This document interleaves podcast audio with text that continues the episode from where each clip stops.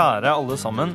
Jeg heter Eskil Pedersen og er leder i AUF, som er ungdomspartiet til Arbeiderpartiet i Norge. Jeg er 28 år gammel og bor i Oslo. Og i dag skal jeg være sammen med dere, lyttere i hele Norden.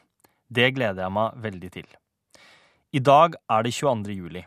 Det er for meg og veldig mange andre i Norge og i Norden en helt spesiell dag. Jeg skal nå fortelle dere om hva Utøya har betydd for meg og mange andre før 22. juli i fjor, min historie den mørke fredagen, og hva som er sommer for meg. Jeg skal også spille sanger som passer godt i dag, og som betyr noe spesielt for meg. For akkurat ett år siden ble min organisasjon AUF angrepet på den verst tenkelige måten. 77 mennesker ble drept, 69 på AUFs egen øy på Utøya utenfor Oslo. Vi opplevde det verste som kan skje med en organisasjon. I dag er det ett år siden terroren rammet oss. Dette er en helt spesiell dag. Mange synes kanskje det er litt rart at jeg velger å bruke den dagen på å sitte i et radiostudio. Det gjør jeg altså ikke. Programmet er spilt inn på forhånd. Det er en dag preget av alvor, av sorg og tristhet. Men jeg håper også dagen blir verdig. At samholdet vi har sett i Norge, Norden og i AUF siden 22. juli, gjør seg spesielt tydelig i dag. En vond, men kanskje også en verdig opplevelse. For på en så spesiell dag så trenger vi også historiene om det som er positivt. Om de gode minnene av våre venner som ble revet bort fra oss. Om de gode verdiene. Om det vi vil bevare, og om det vi vil styrke. Derfor skal jeg i dag fortelle litt om hva Utøya er for meg og for andre. Om tiden før 22. juli 2011. Jeg skal fortelle om Utøyas 60 år gamle historie i AUFs eie. Om hvordan en sommer på Utøya har vært, og hvorfor den øya er et sommerparadis for så mange. Hvorfor vi har tilbrakt hele ungdomstida vår der. Hvorfor ferien vår har måttet blitt planlagt rundt datoen for AUFs sommerleir. Jeg har også blitt utfordra på å fortelle litt om meg selv. Jeg skal si litt om hvem jeg er, hvorfor jeg startet med politikk, og hvorfor jeg har blitt den jeg er i dag. Det er også veldig fint å få dele dette med våre venner i Sverige, Danmark og Finland, siden dette programmet sendes i alle de nordiske landa. Jeg veit at dette er et stort og populært program, spesielt i Sverige, og det er en stor ære å få være med. Jeg og mine venner i AUF vet at hele Norden er med oss i tankene i dag. Det betyr mye for oss. For en måned siden avsluttet vi rettssaken i Oslo tingrett.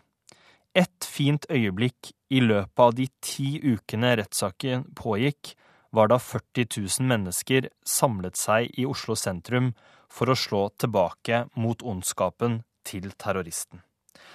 Da han beskrev sangen Barn av regnbuen, som Lillebjørn Nilsen har sunget, som et bevis på multikulturalismen og som noe negativt, så svarte det norske folk med å synge. 40 000 møtte opp en regnfull dag og sang Barn av regnbuen. Den 22. juli 2011 var en fantastisk dag på Utøya. Vi hadde hatt eh, landsmoderen Gro Harlem Brundtland på besøk. Gro rocket Utøya. Hun inspirerte mange unge gutter og jenter. Og selv om det regnet kraftig, lyste besøket opp øya vår. Hun fikk virkelig fram Utøya-følelsen hos oss. Etter at Gro dro, så var vi veldig glad over at dagen hadde blitt så vellykka. Vi var letta. Dagen hadde gått over all forventning. Gro hadde vært i kjempehumør. Det ble mange positive medieoppslag i norske aviser, og ikke minst leirdeltakerne var ved godt mot tross alt regnet. Det var idyll på Utøya. Rundt halv fire den dagen starter en rekke med politiske verksted på Utøya. Folk er samlet på forskjellige deler av øya for å høre på politiske foredrag, og de kan velge ulike tema, alt etter hva de vil lære mer om og diskutere. Jeg sitter i informasjonen med noen sentrale AUF-ere da Monica, eller Mor Utøya som vi kaller henne, hun som har vært daglig leder på Utøya i mange år, kommer inn snakkende i telefonen og utbryter Hva? Har det vært en eksplosjon i Oslo sentrum? Vi bestemmer oss for å skru på radioen for å få raskest mulig informasjon om hendelsene i Oslo. Vi får høre fra venner som er i byen, at mange ruter er knust i en stor radius av sentrum. Det er også vinduene på våre kontorer. Vi håper det har vært en gasseksplosjon, og at færrest mulig er skadd. Men vi forstår at det kan være mye mer dramatisk enn som så. Jeg, Eskil Pedersen, samler ledelsen i AUF og leirledelsen, de som har ansvaret under sommerleiren. Vi blir enige om at vi raskt skal samle alle til informasjonsmøte så fort de politiske verkstedene er ferdig. Vi avlyser også resten av kveldens program. Vi vet ikke mye om hva som har skjedd, men vi vil likevel prøve å gi ungdommen på Utøya noe trygghet. Mor Utøya foreslår å fyre opp grillene og grille alle pølsene som vi har. Det skulle rekke til to pølser til alle på leiren. En siste omsorg fra Monica til oss. Vi beveger oss opp til kafébygget, der vi også har de store møterommene. Vi samler alle der, og rett før jeg går inn for å snakke til alle ungdommene, så ser jeg på nettet eh, at eh, noen medier melder at statsminister Jens Stoltenberg har blitt skadd. Da skjønte vi mer om omfanget i Oslo, at det kunne være noe mer alvorlig enn en gasseksplosjon. Vi forteller hva som er planene våre for resten av den dagen, avslutte møtet med å samle deltakerne fra Oslo og Akershus, som eh, kjenner flere og som vanker mer i området rundt der bomben har eksplodert. Når eh, dette informasjonsmøtet er ferdig, så bestemmer jeg meg for å gå ned i informasjonshuset igjen for å eh, se på nyhetssendingene. Den eneste TV-en på øya er nemlig i informasjonshuset. Jeg går ned dit og begynner å se på de ekstra nyhetssendingene, og får snart også Eh, besøk av to andre kollegaer eh, som skal følge nyhetene. Kort tid etter, det er snakk om få minutter, hører vi dunk. Kollegaene mine spør meg hva er det? Og jeg svarer at det er vel noen som banker inn en spiker. Sånn hørtes det ut for meg, tre bank etter hverandre. Begge kollegaene mine velger eh, snart å gå ned i første etasje for å undersøke mer og kort tid etter kommer den ene opp igjen og sier til meg at Mari sier at det er noen som skyter. Mari som ledet informasjonen i første etasje. Jeg husker følelsen av å både bli redd, men også å ikke ville bli lurt i en form for spøk. Jeg trodde at kanskje det var noen som tullet med meg. Jeg åpner verandadøra i annen etasje, og da hører jeg helt tydelige skudd høye, kraftige skudd. Um, kollegaen min går ned igjen, og jeg låser døra etter han og står alene i annen etasje i dette infohuset. Så går det kort tid før uh, min rådgiver ringer meg og sier at du må løpe ned i båten nå.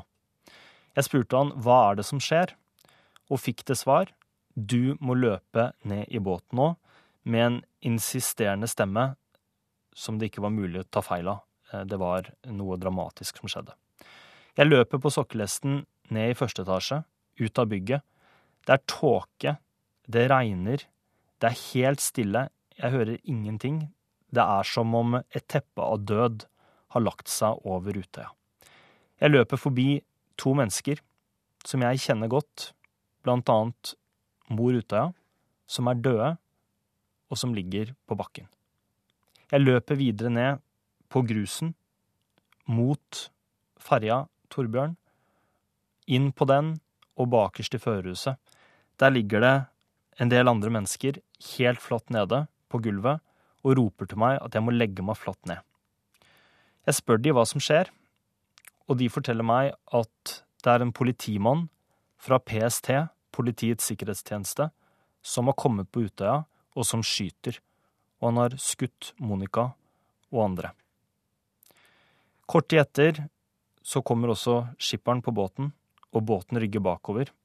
Jeg ringer med en gang politiet, kommer igjennom og forteller de om situasjonen på Utøya, og de ber oss om å komme oss i sikkerhet.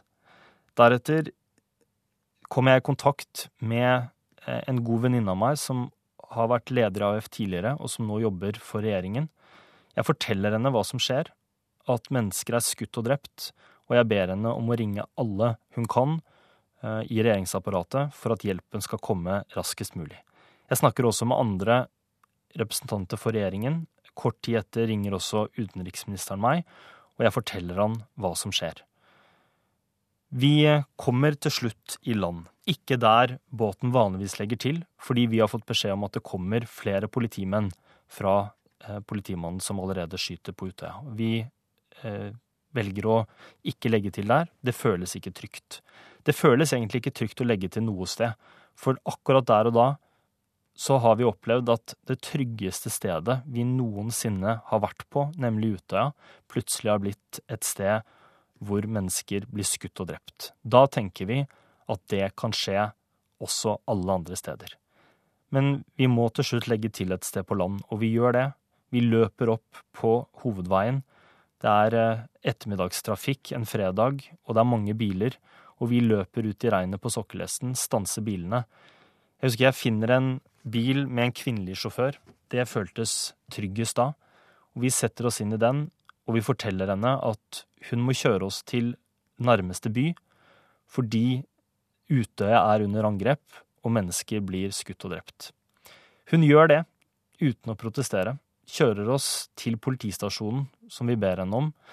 Å dra til politistasjonen, det føltes ikke trygt, men det var heller ikke noe annet sted vi kunne dra Eh, for å føle oss trygge, så vi velger likevel å gjøre det. Vi kommer dit og blir tatt imot opp i et rom i annen etasje med skuddsikre vinduer, og kort tid etter så ser jeg ut av vinduet og ser at uh, politimenn, sortkledde fra topp til tå med store maskingevær, står utenfor på parkeringsplassen. De vokter politistasjonen fordi vi er der. Da føltes det som om all grunnmur, all trygghet i våre liv ble revet vekk fra oss. Da har dere hørt min historie. Tilfeldighetene var mange den ettermiddagen, og jeg var heldig som overlevde. Den første tiden etterpå var jeg veldig opptatt av å høre de forskjellige ungdommenes sine historier. Jeg tror mange fant mye nytte i å fortelle om hva de hadde opplevd. Alle ungdommene opplevde ting som ingen noen gang bør få oppleve. Da er det viktig å dele det med noen og fortelle. Jeg hørte historier om ungdommer som hadde sett venner bli drept, som følte enorm frykt, om ungdommer som svømte for livet, om ungdommer som løp for livet, ungdommer som ble merka for livet. Man kan prøve å forestille seg hva de ungdommene som var på øya, gikk gjennom. Men man kan aldri virkelig forstå det hvis man ikke var der selv. Vi er glade og takknemlige for hver eneste som overlevde, og vi fylles med sorg over å tenke på dem som ikke gjorde det. Ingen fortjente å oppleve det vi gjorde den dagen. Det er lett å gi opp. Gi opp politikken og gi opp å leve livene sine. Men siden 22. juli har vi gjort det motsatte. Vi har fortsatt å kjempe for de verdiene vi tror på, og for at våre liv kan bli gode liv. Gjennom det har vi vist mot. Jeg har lyst til å spille en sang for dere som har satt ord på det mange av oss har følt har vært viktig etter 22. juli. En av Sveriges største viseskatter, Mikael Wie, sang til mode'. Det var natten til 23. juli vi første gang hørte antallet. Ufattelig mange ungdommer var drept. Håpet over å se venner, søsken, kjærester igjen forsvant raskt. 69 kamerater var revet bort fra oss. Så kom sorgen, fortvilelsen, maktesløsheten. Og et sterkt, sterkt savn. Det å føle sorg er å føle på flere følelser samtidig. Det er følelsen av et dypt savn. Det er følelsen av kjærlighet for dem vi var glad i. Det er følelsen av sinne mot personen som tok deres liv. Av fortvilelse over at det var vi som ble rammet. Følelsen av redsel for at det kan skje igjen. Alt dette følte vi på i dagene og ukene etterpå. Det er en sang som mer enn noe annen har greid å beskrive den sorgen som jeg følte da i dagene og ukene i ettertid. Jeg gråter hver gang jeg hører den. Mange i Norge hørte den for første gang når den ble framført på den nasjonale minneseremonien den 21. august i Oslo Spektrum. Teksten slo oss i magen og passet så altfor godt. Vi skal høre Melissa Horn, 'Kungsholmens havn'. Selv om sorgen var helt enorm og overveldende, så opplevde vi også noe godt oppi alt det vonde. For Norges reaksjon var helt spesiell. Vi svarte med roser, ikke kuler.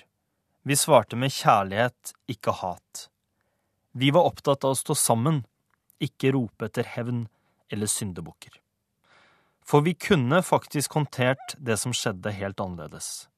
Flere andre terrorrammede land har endt opp med å innskrenke befolkningens frihet og brukt en retorikk som har skapt kløfter mellom folk. Det kunne vi også valgt, men vi valgte budskap om kjærlighet og samhold. Jeg tror mange etter 22. juli tenkte kanskje er det noe spesielt med dette landet vårt likevel. Kanskje bor det noe grunnleggende godt i nordmenn, noe som vi så desperat fikk bruk for og hadde godt av denne gangen. Og det var i stor grad gjennom musikk vi fikk utløp for følelsene våre og kommunisert sammen. Vi skal høre den sangen som vakkert forteller om det lille landet vi er glad i.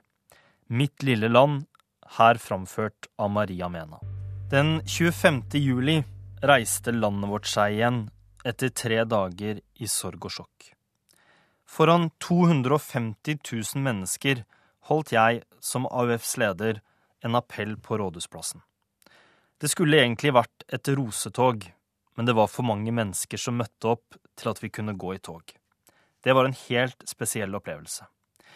Jeg husker jeg kom opp i annen etasje på Nobelsenteret før talene begynte.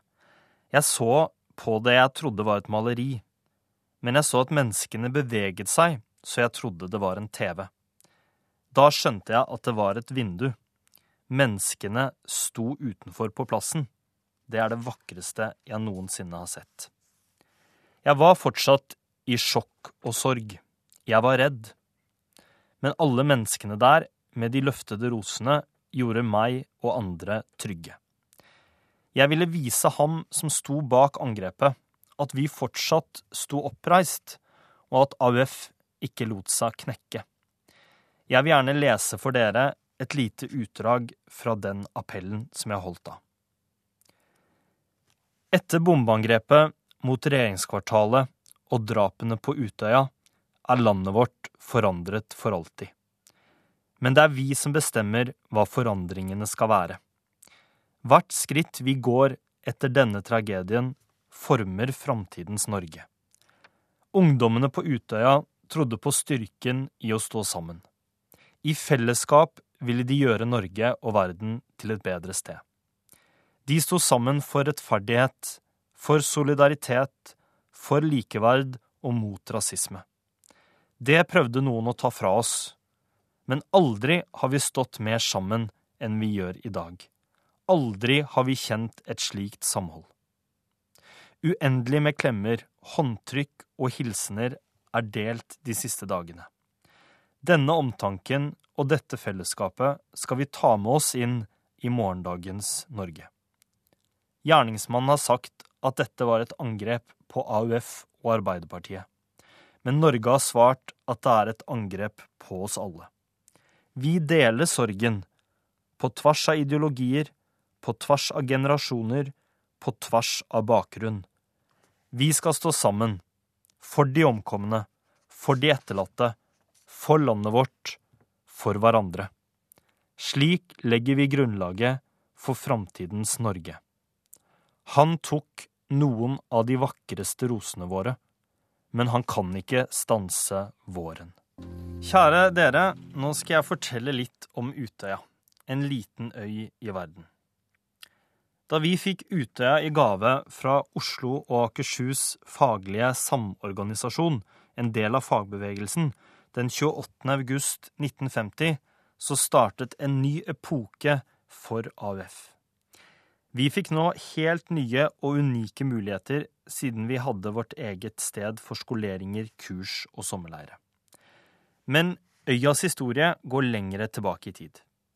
Under middelalderen var øya eid og drevet av munker som drev jordbruk på deler av Utøya. Senere, i 1577, står øya oppført som kongens eiendom før den i 1600 ble solgt. Siden har det vært diverse eiere innom opp gjennom årene. Den siste eieren før Oslo og Akershus samorganisasjon kjøpte Utøya, var Høyres sin statsminister Jens Bratli, som kjøpte øya i 1898 for å benytte den som feriested. Leirvirksomheten på Utøya startet først da samorganisasjonen kjøpte øya.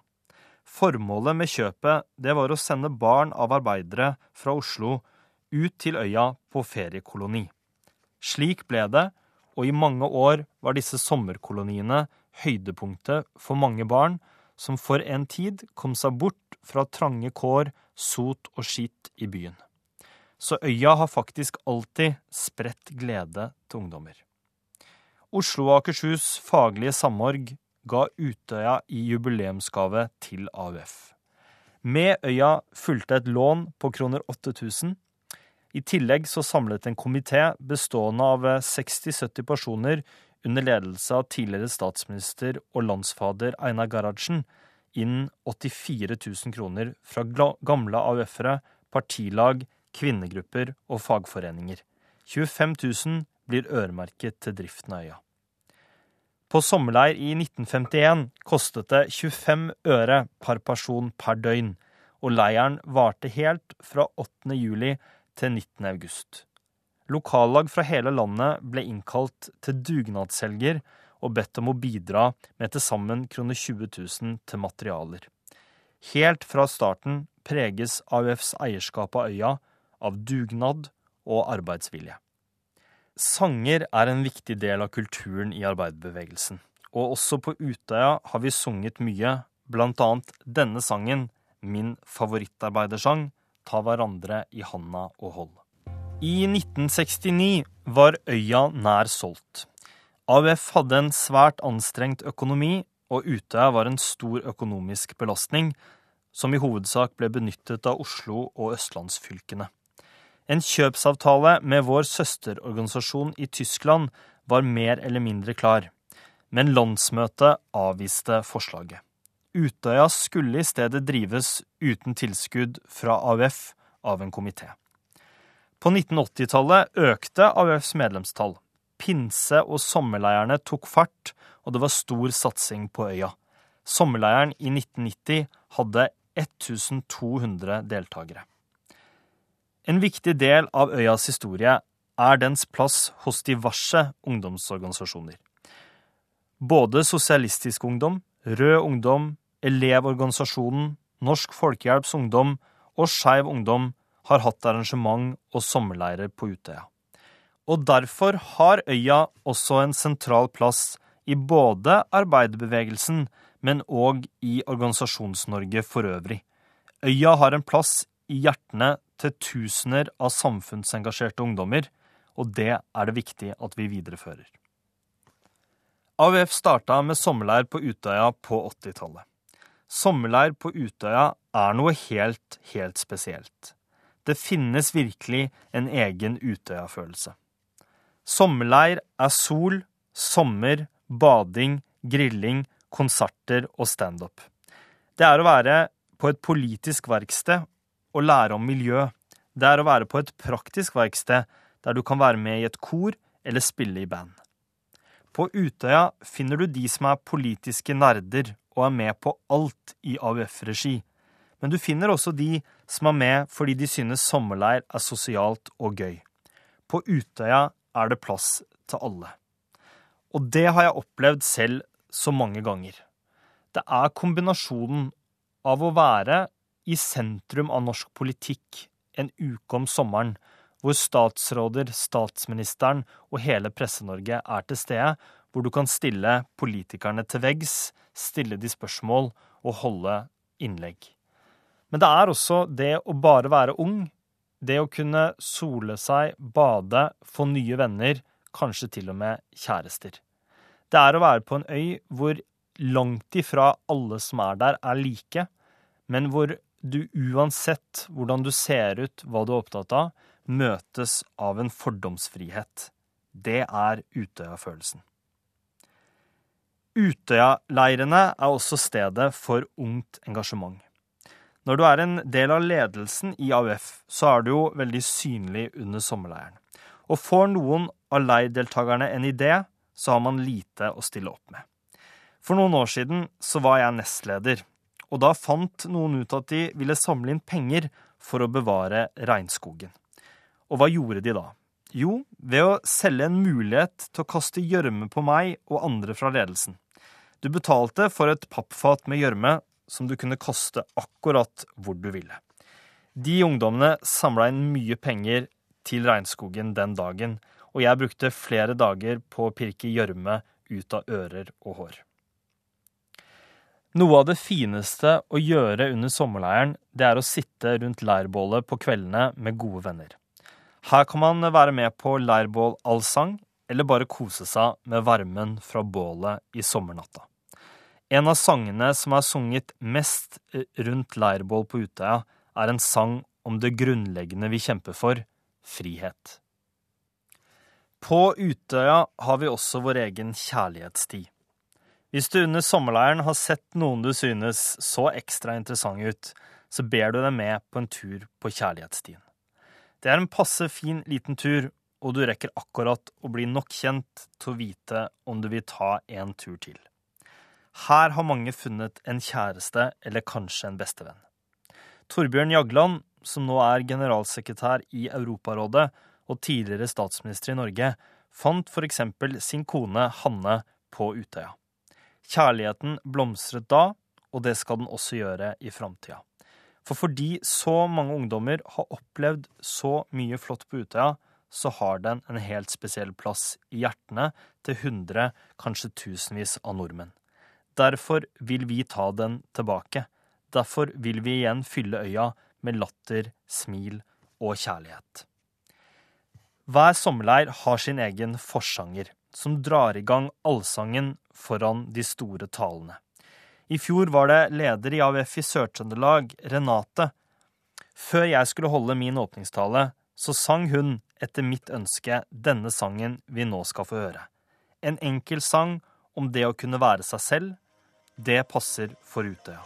For et mer fordomsfritt sted tror jeg ikke finnes noe annet sted. Det er jeg, Eskil Pedersen, leder i AUF, som er vert for deg i denne sendingen. Nå vil jeg gå litt tilbake i tid i mitt liv. En vanlig sommerdag for 15 eh, år siden gikk jeg og venninna mi hjem fra bussen til barndomshjemmet mitt i Skien. Vi hadde nettopp tatt bussen og var opprørt over hvor mye bussbilletten kosta. Jeg kan enda huske den urettferdighetsfølelsen som satte seg i magen. Vi var jo ungdommer, og vi hadde ikke råd til dette. Vil de ikke at folk skal ta buss og velge miljøvennlig? Men så slo det meg. Skal jeg gjøre noe med det, så må jeg engasjere meg. Det hjelper ikke å klage hvis man ikke gjør noe. Jeg valgte å melde meg inn i AUF, og ringte kontoret for å spørre om det var mulig å bli medlem. Et nytt kapittel starta i livet mitt. Det var et valg jeg er veldig glad for at jeg tok i dag. Noe som har forma min ungdomstid og mitt liv i stor grad. Jeg tror nok også at det var litt uunngåelig. For jeg vokste opp i et hjem med sterke holdninger til rettferdighet. Søsteren min og meg fikk streng beskjed av pappa.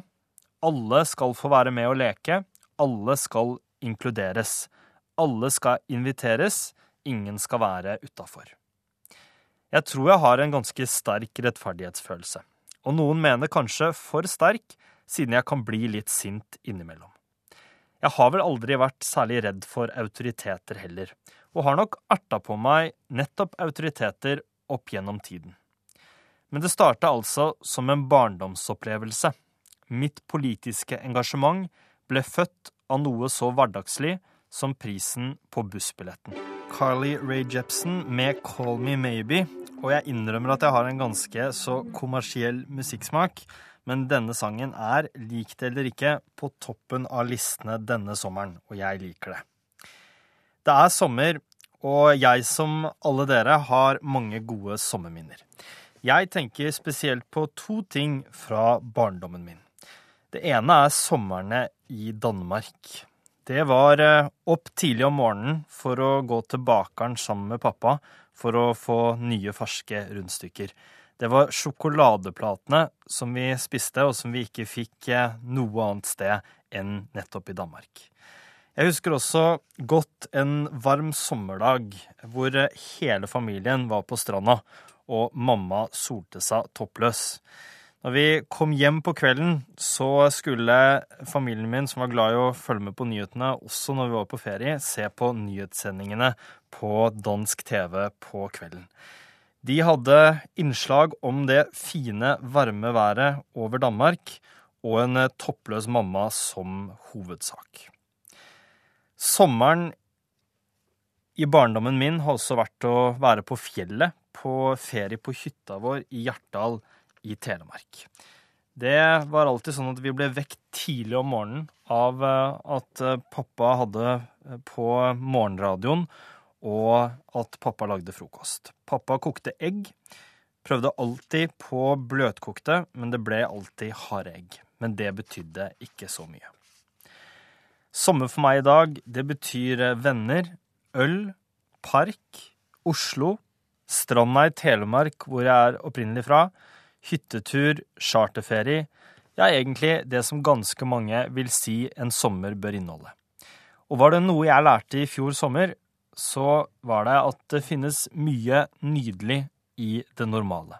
I små gleder, i en lat sommerdag, i å bare være sammen, i å vite at man ikke må noe dagen etterpå. Senere i sommer så skal jeg på Øyafestivalen i Oslo. Det gleder jeg meg veldig til. Å stå i sommernatta rett utenfor Oslo sentrum og høre på god musikk sammen med gode venner, det er virkelig sommerfølelse for meg. På Øyafestivalen i år så spiller Florence and the Machine, og nå skal dere få høre en låt av dem som jeg hørte mye på første gangen jeg var skikkelig forelska. Jeg er eh, homofil. For meg er det viktig å være åpen om det. Fordi jeg veit også at forbilder er viktig. Hvis det at jeg er åpen og stolt kan gjøre det lettere for unge gutter og jenter å komme ut av skapet, så er det noe viktig jeg vil bidra til.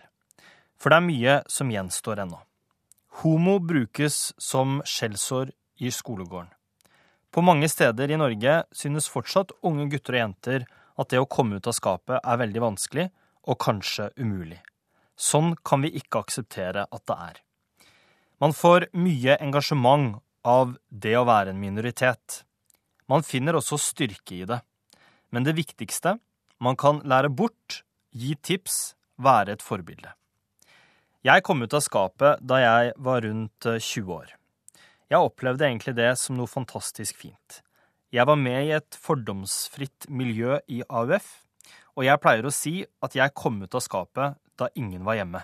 Det var ikke noen som brydde seg negativt om det. Jeg hadde trygge venner rundt meg, og jeg traff nye venner som lærte meg mye. Man lærer mye om seg selv gjennom en sånn prosess. Jeg lærte at det å være ærlig mot seg selv er enormt mye deiligere enn å stritte imot. For noen tar det kort tid, for noen tar det lengre tid, men alle kommer dit. Denne sangen er til dere. Gjennom mange år har jeg vært på Utøya. Som medlem, og i fjor som leder av AUF. Jeg har vært på Utøya tolv somre på rad fordi jeg vil forandre verden. Fordi der kan du dele ditt engasjement med andre, og du føler virkelig at du kan forandre, at du kan bidra, at din stemme blir hørt. På Utøya møter man også mennesker som har historier som gir inntrykk, og som engasjerer dem rundt seg. Noe av det som har gjort størst inntrykk på Utøya, er å møte alle de internasjonale gjestene vi har hatt på besøk gjennom sommerleirene våre. På Utøya har det vært mange palestinere som har delt sin historie med meg og andre. Det har nok gjort at en av de viktigste politiske sakene for meg er kampen for et fritt Palestina. På Utøya møter du verden, og det er umulig å ikke bli engasjert. La meg dele en liten historie med dere. Kvelden den 21. juli 2011 så satt jeg og noen av øfere sammen og snakket med de internasjonale gjestene på Utøya. Vi hørte historier om vold, undertrykkelse, terror og krig. Sam er med i AUFs søsterparti i Uganda, Uganda Young Democrats. Han forteller om når lederen deres ble fengsla etter en politisk protest, om hvordan hun ble sparka og slått av det lokale politiet. Og jeg husker jeg ofte tenkte, da jeg hørte disse historiene, at selv om jeg har enorm sympati for dem, selv om jeg bruker store deler av livet mitt på å engasjere meg i deres sak, så kommer jeg aldri til å helt forstå hvordan det oppleves, og forstå hvordan det er å bli trua på livet fordi man er politisk engasjert. Jeg kunne ikke sette meg inn i det. Et døgn etterpå sitter jeg på Hønefoss politistasjon. Redselen sitter ennå som is i kroppen. Utenfor så står det flere politifolk med maskingevær og vokter politistasjonen fordi jeg er der.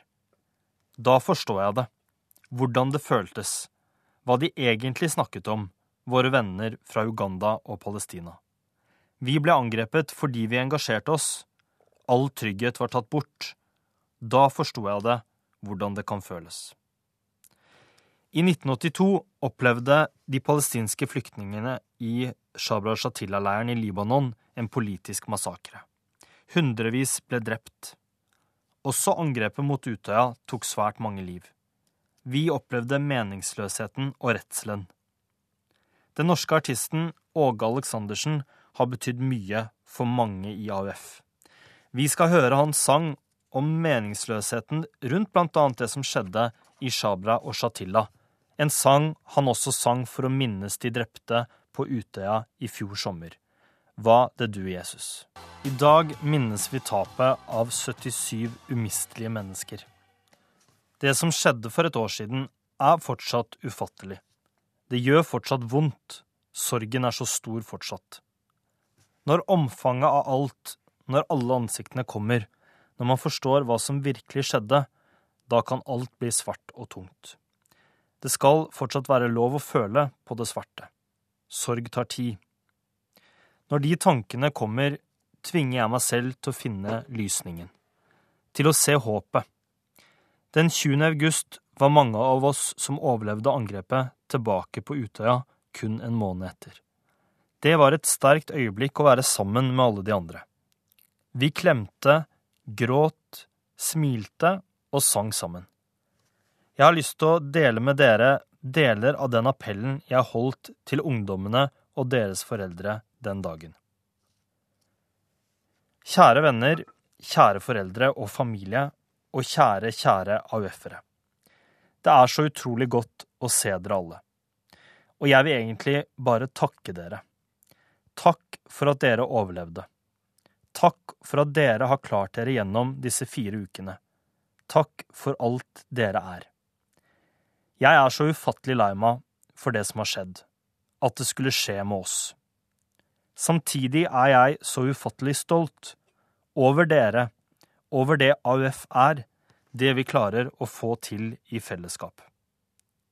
Kjære venner, det er 69 kamerater som mangler her i dag. Det gjør fortsatt ufattelig vondt. Vi er fortsatt en organisasjon i bunnløs sorg. Sorgen kommer til å vare lenge. Vi skal ta oss tid til å sørge over vennene våre. Hver og en av dem var umistelige. Hver og en av dem var uerstattelige medmennesker i vårt fellesskap. Minnene kommer for alltid til å leve med oss. Vi møtte det mørkeste, men vi skal komme oss igjennom det. Dere har vist et ufattelig mot og sterk omsorg og varme til hverandre. Vit at jeg er ufattelig stolt av hver eneste en av dere. Vi har opplevd en ondskap som er så brutal at det er vanskelig å fatte. Samtidig har vi opplevd et fellesskap og et samhold som ikke mange mennesker får oppleve. Det samholdet skal vi aldri gi slipp på. Denne øya skal for alltid være et symbol for kjærligheten vi har for de vi har mistet. Og kjære venner, sammen skal vi gjøre denne øya til symbolet for den sommeren der kjærligheten vant over hatet. Vi skal komme oss igjennom dette. Vi skal vinne. Det fellesskapet vi nå har sammen, kan aldri forsvinne. Den kjærligheten vi har for hverandre, skal aldri ta slutt. Sitat slutt. Vi gjorde virkelig sommeren 2011 til den sommeren der kjærligheten vant over hatet. Det tenker jeg på når alt blir mørkt. Og da blir det etter hvert morgen. Da kjenner man sola gløtte gjennom det åpne vinduet på soverommet. Man våger seg ut på verandaen, kjenner sola i ansiktet, kjenner sommervinden, hører barnelatter og måkeskrik, kjenner varmen, ser det sterke lyset, og man innser, om bare i noen minutter, at det er sommer igjen. Kjære deg, tusen takk for at du hørte på. Tusen takk for at du og alle dere andre deler denne dagen med oss. Tusen takk for at dere etter 22. juli har delt både det vonde og det gode. Den siste sangen handler om både fortid og framtid. Jeg startet sendingen med den, og skal avslutte med den. Den handler om hvordan de unge vi mistet, var umistelige, og om hvordan de unge som overlevde, må vinne framtiden.